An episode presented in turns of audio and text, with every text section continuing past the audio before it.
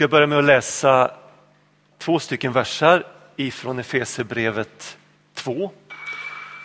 Två verser som har betytt mycket för hur den kristna kyrkan har utvecklats i vårt land.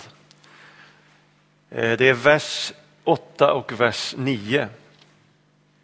Efesierbrevet 2, vers 8 och 9. Ty av nåd är ni frälsta genom tron, inte av er själva. Guds gåva är det. Det beror inte på gärningar, ingen ska kunna berömma sig. Om vi vill utvecklas på något område i livet så eh, finns det alltid människor med större erfarenhet än vi. Människor som, eh, som vi kan välja som våra mentorer eller våra förebilder.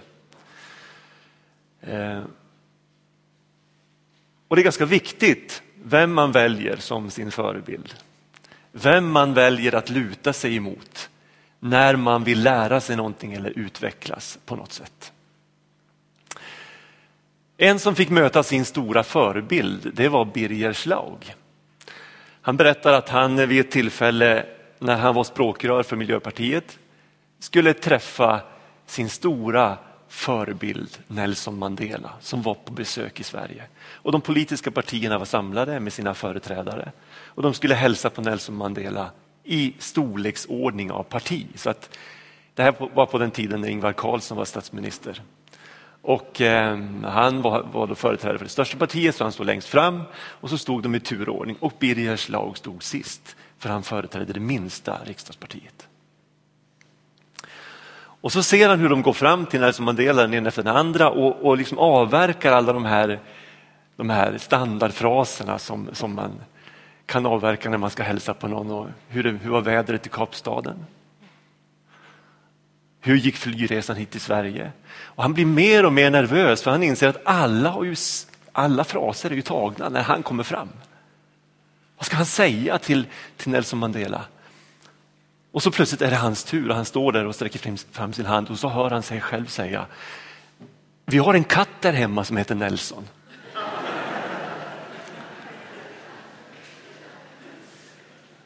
Varpå Nelson Mandela säger hoppas den är svart.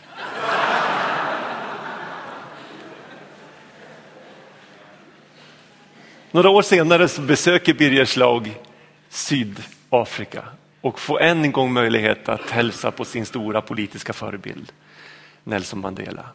Sträcker fram handen och det första Nelson Mandela säger är hur mår katten?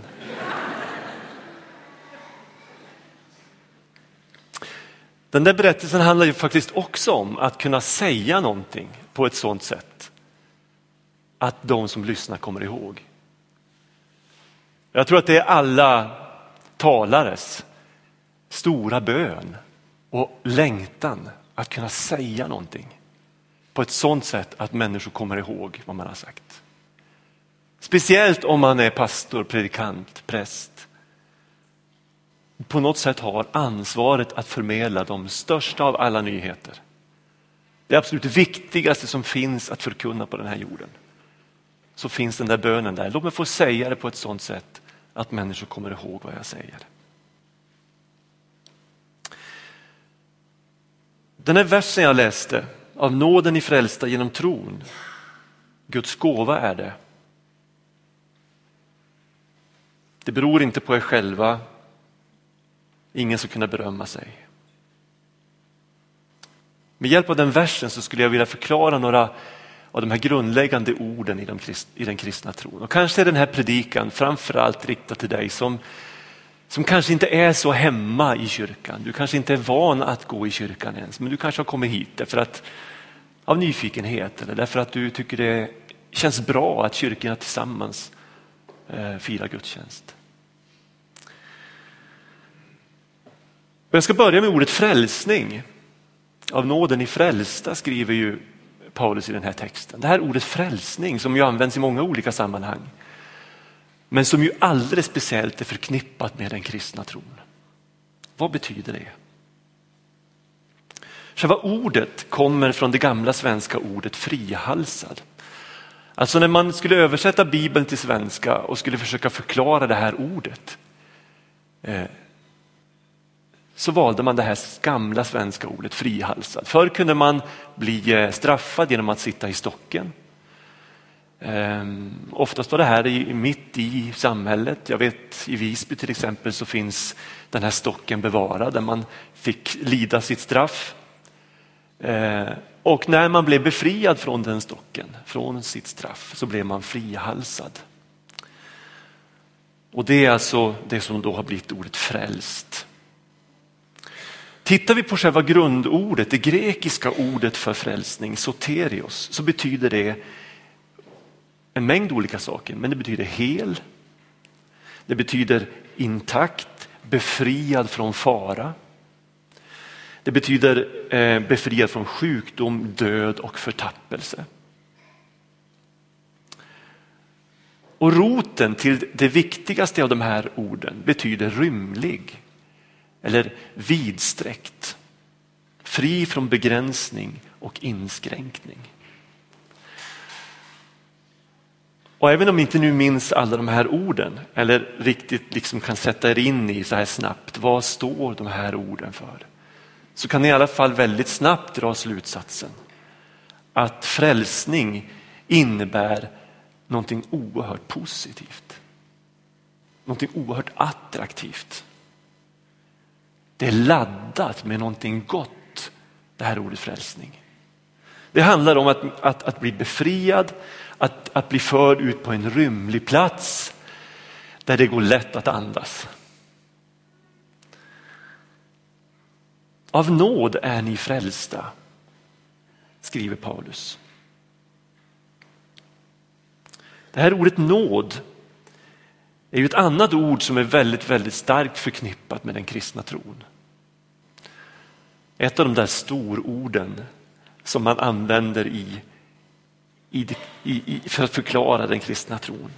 Och nåd är också väldigt svårt att översätta egentligen från grundspråket. Man brukar säga att det betyder oförtjänt välvilja eller om man använder enklare språk, en glad överraskning. Nåd är en glad överraskning. Det finns ett väldigt, eh, det grekiska ordet är, är karis Eh, och det finns ett närbesläktat ord, kara, som betyder glädje. Nästan samma ord. Och innan jag förklarar det här ordet nåd lite mer så skulle jag vilja förklara, säga något om glädjen. Nåd var ju en glad överraskning. Och glädjen i livet är inte helt självklar. Det är inte alltid så enkelt att vara människa. Det finns så mycket som kan göra oss modfällda och nedstämda. Livet kan bli ett suckande och framtidsutsikterna kan bli ganska hopplösa. Jag var inte så gammal när jag skrev den här dikten. Jag tror att jag var någonstans runt 20. Jag ska läsa den för er. Jag har tappat mitt skratt i ett allvarsdike. Där jag trampar i sorger och nöd. Jag som vandrat på vägen mot glädjens rike, jag är rädd att det här blir min död. Jag ser människor som stelnat, som redan är kalla. Ve och fasa, är detta min lott? Varför skulle just jag i ett sorgdike falla, jag som alltid skrattat så gott? Snälla, gå ej förbi, börja känna mig matt Kanske hjälper en glad liten sång. Om du bistår mig nu så jag hittar mitt skratt ska jag hjälpa dig nästa gång. Så det kan det kännas ibland. Man längtar efter att någon ska, ska lyfta en, hjälpa en. Ur det där suckandet, ur den där modlösheten. Och det allvarligaste är när vi börjar tro att Gud är allvarlig, att Gud är sorgsen, suckande och glädjefattig. Författaren Peter Halldorf han skriver om treenigheten som en virvlande dans. Och om hur Gud i sin lycka skapar människan för att dra människan in i den här hänförande glädjen. in i den här jublande dansen. Han beskriver Gud som den gladaste i universum. Och han tar det inte bara ur luften, det står faktiskt om Jesus i evangelierna att han var smord med glädjens olja mer än andra människor. Alltså Gud är en glad Gud. Och Jesus var en glad människa när han gick på jorden. När himlen släpper världshistoriens största nyhet, Gudasonen Jesus Kristus har fötts till jorden. Vad väljer himlen för ord? För att försöka förklara för människan vad det är som händer. Jo, himlen säger genom änglakören, var inte rädda, jag bär bud till er om en stor glädje. En glädje till hela folket. Författaren C.S. Lewis han har sagt lite skämtsamt, himlens allvarliga ärende är glädje. Och någon annan har sagt, den glädje vi ser i det lyckligaste av barn är bara en bråkdel av den glädje som bor i Guds hjärta. Om nu Gud är glädje i sitt väsen så innebär det att du och jag som människor på den här jorden är skapade till glädje. Vi är ju skapade till Guds avbild. Glädjen hör till vår sanna natur. Man skulle kunna säga att glädjen är en människas främsta kännetecken.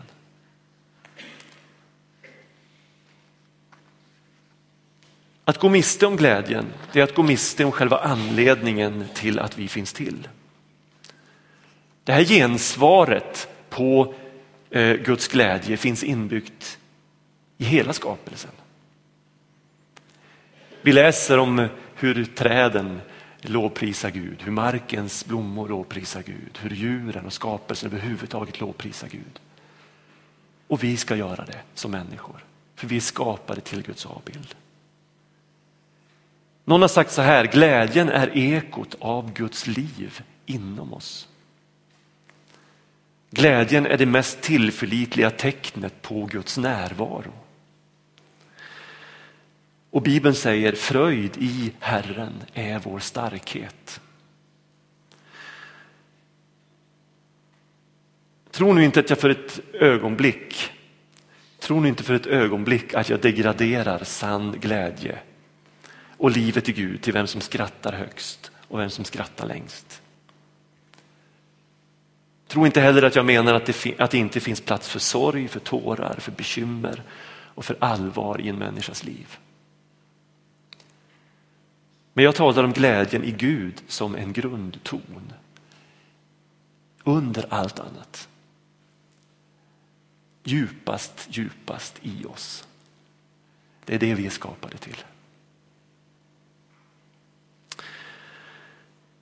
Det var en liten lång parentes om glädje. Jag skulle tala om nåd som var en glad överraskning. Låt mig säga någonting om ordet nåd som ligger så nära ordet glädje. Jag hörde en berättelse om en fattig arrendator, Johan, som hade arrenderat en bit mark av storbonden och så blev det hungersnöd. Och Johan led svår nöd och han hade inte mat för dagen. Storbonden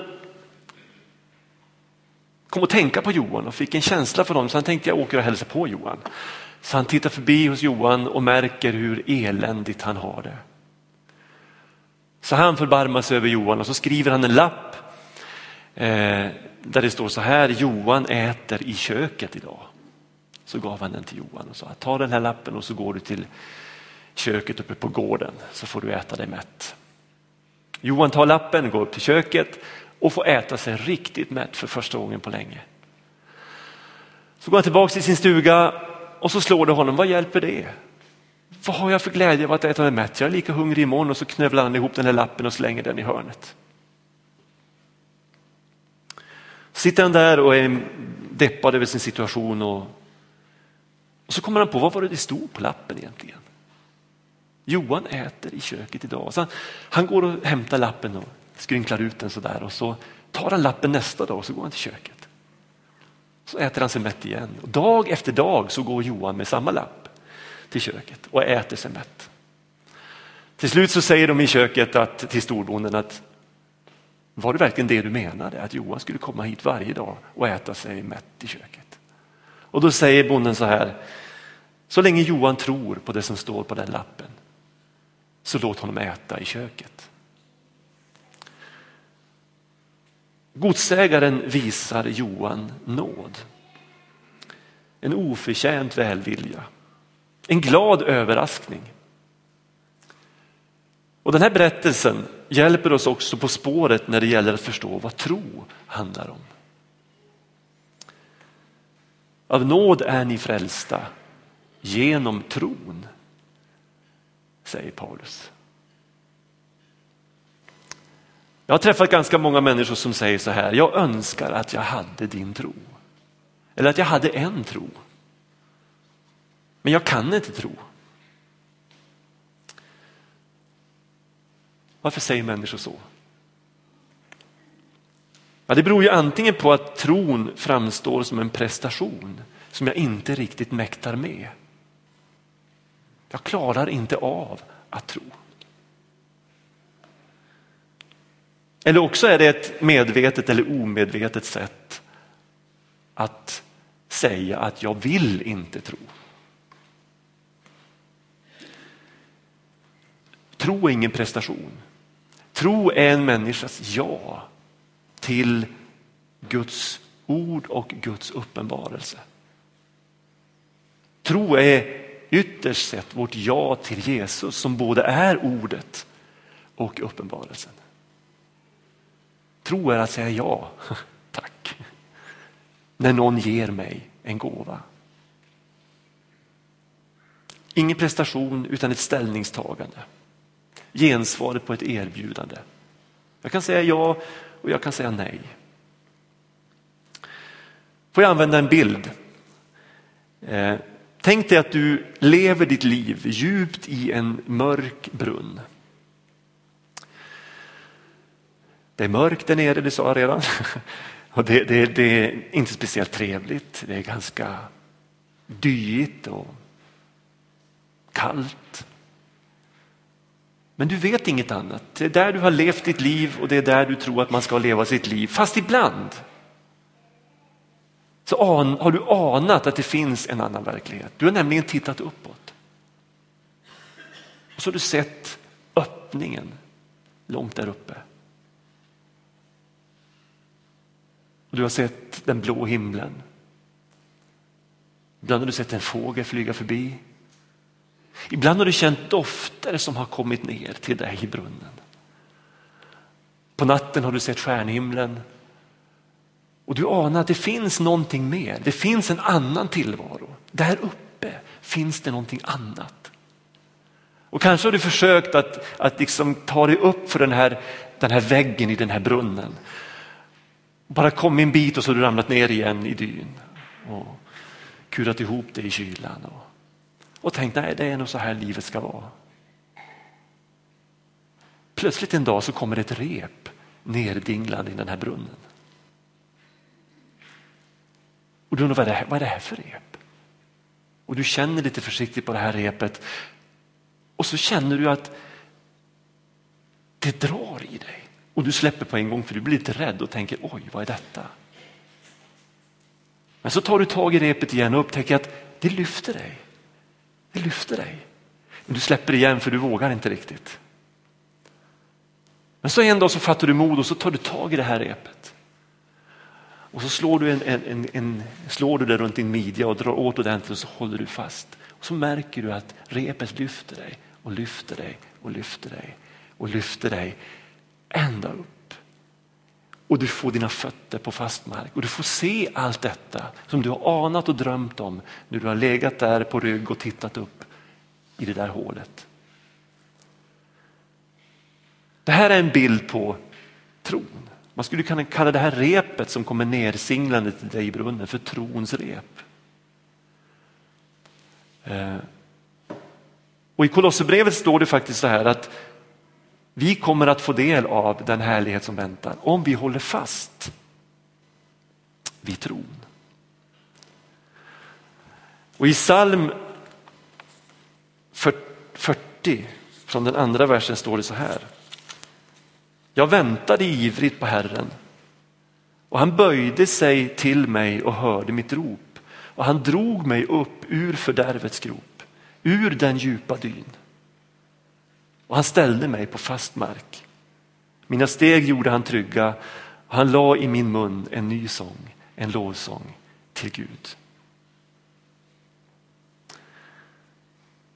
Av nåden i frälsta genom tron. Det beror inte på gärningar, ingen ska kunna berömma sig. Människor som slår sig för bröstet och skryter om sin egen förträfflighet, de har missat vad det handlar om. Vi kan aldrig förtjäna frälsning. Och den som tror det är i själva verket långt ifrån Guds rike. Vi kan inte köpa Gud genom gudstjänstbesök eller genom ekonomiska offer eller genom att försöka leva allmänt präktigt. Utan mottagandet av Guds frälsande nåd börjar i och med att jag bekänner min egen hjälplöshet. Och jag tar emot frälsningen som en gåva. Det beror inte på gärningar, ingen ska kunna berömma sig. Får jag sluta med att berätta den kanske starkaste berättelsen i Bibeln. När det handlar om att ta emot frälsning genom nåd. Det är berättelsen om när Jesus korsfästs med två rövare på varsin sida. Man skulle kunna säga att båda de här rövarna upplevde samma nåd. De hade inte valt att korsfästas vid Jesus sida utan det var en oförtjänt välvilja att de fick korsfästas vid världens frälsare. Eh, de möter alltså båda samma nåd. För det andra visar det på tron. Den ene han svär och förbannar och han säger till Jesus att visa nu vem du är genom att rädda dig själv och oss. Det finns ingen ånger, det finns ingen, eh, inte ens eh, vid livets slut när, när döden grinar honom i ansiktet så ångrar han sig. Utan han är, han är hård i sitt hjärta. Den andra, han ångrar sig och han säger att du och jag vi sitter här därför att vi har förtjänat det. Men Jesus han korsfästs utan att ha förtjänat det. Och så vänder han sig till Jesus och så säger han, tänk på mig när du kommer i ditt rike. Kan ni tänka er en enklare bön? Tänk på mig. Det räcker faktiskt att säga så till Gud. Tänk på mig. Tänk på mig i min situation.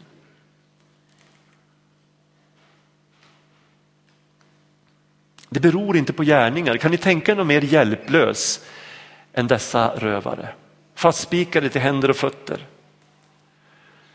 Eh, uttorkade i munnen av hettan och plågorna. De kan inte göra en enda god gärning, de kan inte ställa någonting till rätta, de kan inte be någon om förlåtelse. De kan inte använda sina fötter till att gå någonstans. De sitter där de sitter, har några få ögonblick kvar att leva. Och ändå får han svaret från Jesus. Idag ska du vara med mig i paradiset. Av nåd är ni frälsta genom tron. Guds gåva är det, det beror inte på gärningar. Ingen ska kunna berömma sig. Ska vi be tillsammans?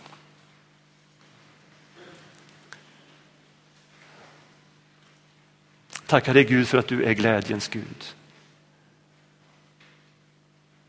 För att du är den sanna, djupa, innerliga glädjen. Tack att du har skapat oss, dragit oss in i, i din jublande glädje. Jesus, du sa att den som tror på dig från hans innersta ska strömmar av friskt levande vatten flyta fram. Tack att du vill lägga ner din glädje i djupet, i botten av våra liv. Du vill lägga ner en glädje som ingenting i den här världen kan rå på. Tackar dig för att du är här just nu. Tack att du sträcker oss din hand och du säger, här är jag. Vill du ta emot? Tack att vi kan få sträcka vår hand mot dig och säga ja tack. Jag vill ta emot. Jag vill ta emot glädjen. Jag vill ta emot förlåtelsen. Jag vill ta emot frälsningen. Nåden. Jag tackar dig Herre för att du är här just nu. För att ta emot var och en som ber en enkel bön till dig. Och tack att du alltid hör oss när vi ber. I Jesu namn. Amen.